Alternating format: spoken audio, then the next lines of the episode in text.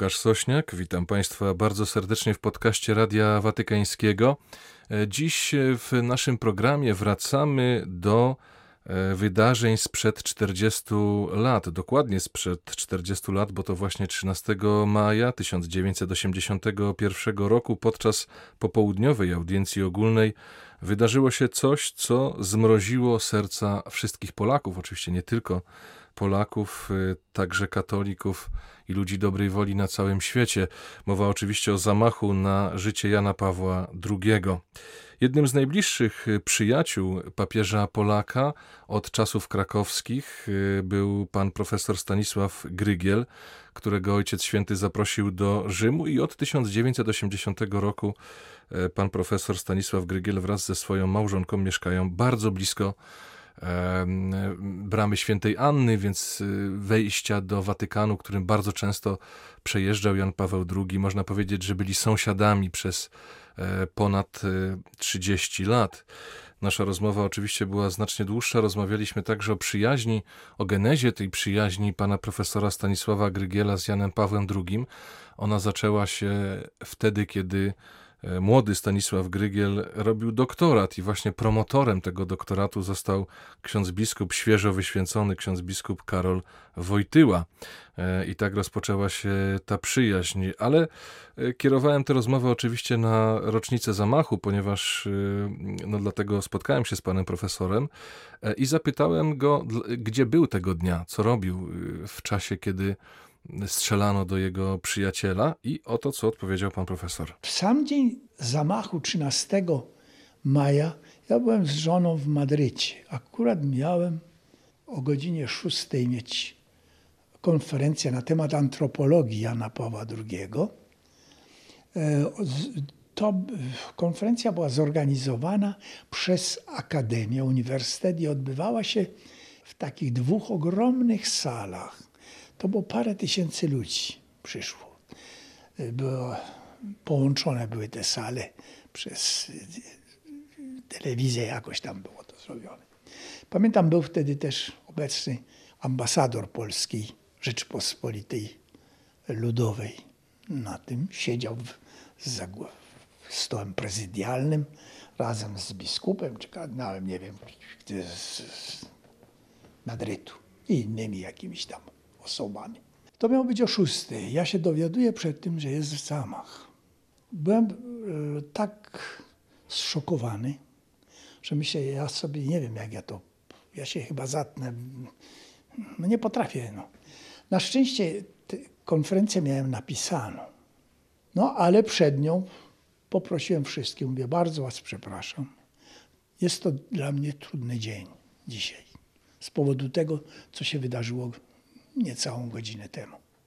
Dlatego proszę, nie róbmy dyskusji, a proszę o jedno, żebyśmy wspólnie odmówili Ojcze Nasz w intencji papieża. No, skończyłem konferencję, siedzę obok biskupa i mówię mu, księże biskupie, ludzie czekają na modlitwę. A biskup mi mówi, no wie pan, ale tu jest miejsce świeckie, tu nie możemy się modlić, bo to jest uniwersytet, to, jak, co? A to jeżeli ksiądz biskup nie potrafi, to ja wstanę i poprowadzę tę modlitwę. No i zacząłem się zbierać. Wtedy on się poderwał, podszedł do tej trybuny, z której przemawiałem i na głos zaczął Ojcze Nasz. Sala się podniosła, jedna i druga, jak mi później opowiadano. I to był jeden wielki krzyk do Boga. Ojcze Nasz, który jesteś w niebie. I potem wychodzę, czeka telewizja. Przyznam się, że się bałem, bo dlatego, że no, przypuszczałem, kto to zrobił, ale nie mogłem tego powiedzieć. Telewizja dopytuje się, kto to według Pana zrobił. No, mówię, no, na pewno ten, komu to służyło i służy. No to, no to kto? No szukajcie, ja nie wiem, no szukajcie. Będziemy szukać kto z tego ma korzyść, to pewnie ten to zrobił, no bo nie robi się bezinteresownie takich rzeczy. No więc y, trwałem przy tym, przy tej odpowiedzi, unikając jakichkolwiek domysłów. Po jakichś kilku latach zapytałem papieża, Ojcze Święty, czy Ojciec Święty wie, kto dokonał tego zamachu? Oczywiście nie, i tak byliśmy sam na sam. A on mówi, wiesz, wystarczy przeczytać listy, które Aliaksa pisze do mnie, żeby wiedzieć, kto to zrobił.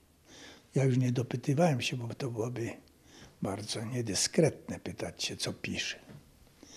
No, ale znowu mogłem się tylko domyślać, ale to są tylko domysły. Po zamachu, jakieś parę tygodni, miałem na Kapitolu takie spotkanie, gdzie prezentowałem książkę znanego naukowca Sermontiego. I tam było dosyć dużo ludzi, no właśnie tak na Kapitolu z władzy. Organizował to taki wielki, wielki wydawca ówczesny. Przyszli, widziałem, byli generałowie jacyś tam.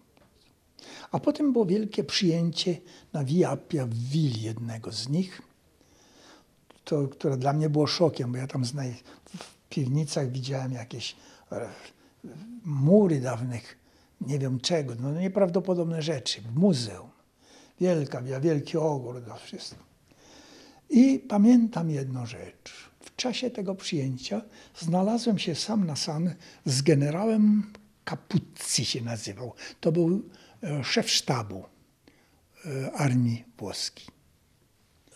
Jakoś ta rozmowa zeszła na to, że przeżywamy tak trochę boleśnie i z niepokojem. Co będzie dalej? Ten zamach, który kilkanaście tygodni temu miał miejsce. W każdym razie on mi mówi, wie pan, my jesteśmy pewni tego, kto to zrobił. I powiedział mi, o kim myśli. Ale nie mamy twardych dowodów. Nie mamy twardych dowodów, ale nikt w to nie wątpi, kto to zrobił. W ciągu tych wielu lat pojawiły się liczne teorie, kto stał za zamachem, kto, czy, wy, czy ktokolwiek stał za zamachem poza samym Ali Makczą, kto wynajął y, tego zbrodniarza, żeby dokonał zamachu na Janie Pawle II. I oczywiście w tej perspektywie jest bardzo zasadne i konieczne, żeby rozważać kwestię zamachu na papieża Polaka, ale sam papież do tego zamachu podchodził, można powiedzieć, od strony duchowej, od, z perspektywy duchowej. I o to zapytałem też e, pana profesora Stanisława Grygiela. Ja myślę, że on nie miał żadnej traumy po mm, zamachu. On nie czuł żalu. No, tak spontanicznie może tam coś czuł, ale nie czuł żalu do zamachowca.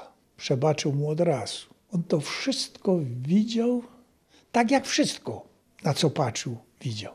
W świetle, nie wiem czy to będzie zrozumiałe, w świetle aktu stworzenia, w świetle miłości stwarzającej człowieka do miłości.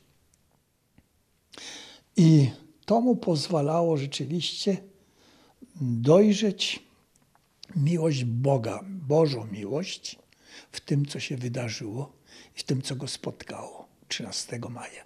Kiedy o tym dwa, trzy, cztery razy, nie wiem, nie pamiętam, rozmawiałem z papieżem, miałem zawsze wrażenie, że tu, w tym momencie dotykam się jego świętości, którą otrzymał od Boga. Jego wielkości, no świętości. Otrzymanej od Boga. Bo Myślę, że on był, wiedział, że to w sposób niezasłużony otrzymał taki dar. Dlaczego on, a nie inni? Nie mam odpowiedzi na to. Nie ma odpowiedzi na to. Tak Bóg chciał, tak zrobił. Papież od samego początku e, był przeświadczony, że czeka go zamach. Ja pamiętam w 1979 roku Uczestniczyłem we mszy świętej odprawianej przez niego na cmentarzu wojskowym na Monte Cassino. I w czasie mszy widziałem jakiś pan, podszedł do bodajże Andreottiego, który klęczał tam blisko ołtarza i coś mu wręczył mu karteczkę jakąś. On to przeczytał i schował do kieszeni. Coś. Potem, zaraz po mszy świętej, dowiedziałem się, że policja zatrzymała, zablokowała, chwyciła, złapała, nie wiem, jakiegoś człowieka, który chciał się przedrzeć tam bliżej ołtarza z nożem. Nie wiem, bo to mógł, mógł być jakiś pomylony facet. I w tym samym dniu, po powrocie z Monte Cassino, y, znalazłem się u Ojca Świętego na kolacji. Wtedy on mieszkał w wieży tam na końcu, bo tu przygotowywano dopiero mieszkanie dla niego. I w czasie tej kolacji powiedziałem mu o tym, że tak słyszałem taką rzecz. Czy to prawda, czy nieprawda, no nie wiem, ale opowiadam, mówię mu taką rzecz, mi powiedziano. On tak zamilkł, postukał palcem po stole i mówi, no popatrz, już mnie szukają. Z tego od razu mi przyszło, to znaczy, że ty się świadom co ci, tego, co ci grozi.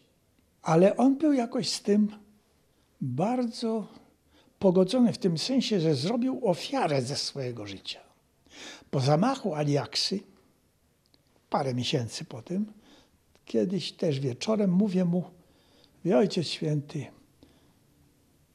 pan, to jakaś jest wielka opocznościowa sprawa z tym, z tym, z tym zamachem.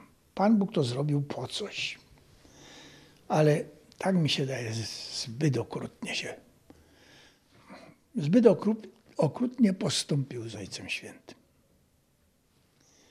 Znowu nic nie powiedział, od razu popatrzył, mówi, ale wiesz, nie ma nic piękniejszego niż bycie narzędziem w rękach Boga, zwłaszcza dla kapłana. Bo ja właśnie mu powiedziałem tak, no, potraktował tak Ojca Świętego jak narzędzie coś mi to nie pasuje. Nie. On mówi, to jest najpiękniejsze, nie ma nic piękniejszego. Być narzędziem w rękach Boga. Czyli, że on tak się zawierzył Bogu, że gotów był przyjąć nawet taką śmierć. I uważał, że to wszystko w zamysłach Boga ma swój wielki sens i służyć będzie jakiemuś wielkiemu dobru. I to już, proszę Państwa, koniec naszego dzisiejszego spotkania w podcaście Radia Watykańskiego. Bardzo serdecznie zapraszam do śledzenia e, naszych podcastów właśnie tutaj na Spotify na innych platformach podcastowych, ale oczywiście też serdecznie zapraszamy Państwa do słuchania e, w rozgłośniach katolickich i nie tylko, także w programie pierwszym Polskiego Radia codziennie o godzinie 18.40 E, a w innych rozgłośniach, no to już zależne jest od e, konkretnej ramówki, konkretnej rozgłośni, do słuchania wiadomości Radia Watykańskiego, gdzie pojawiają się informacje głównie na temat Ojca Świętego, na temat jego nauczania, ale także na temat Kościoła, e, świata i oczywiście Kościoła w Polsce.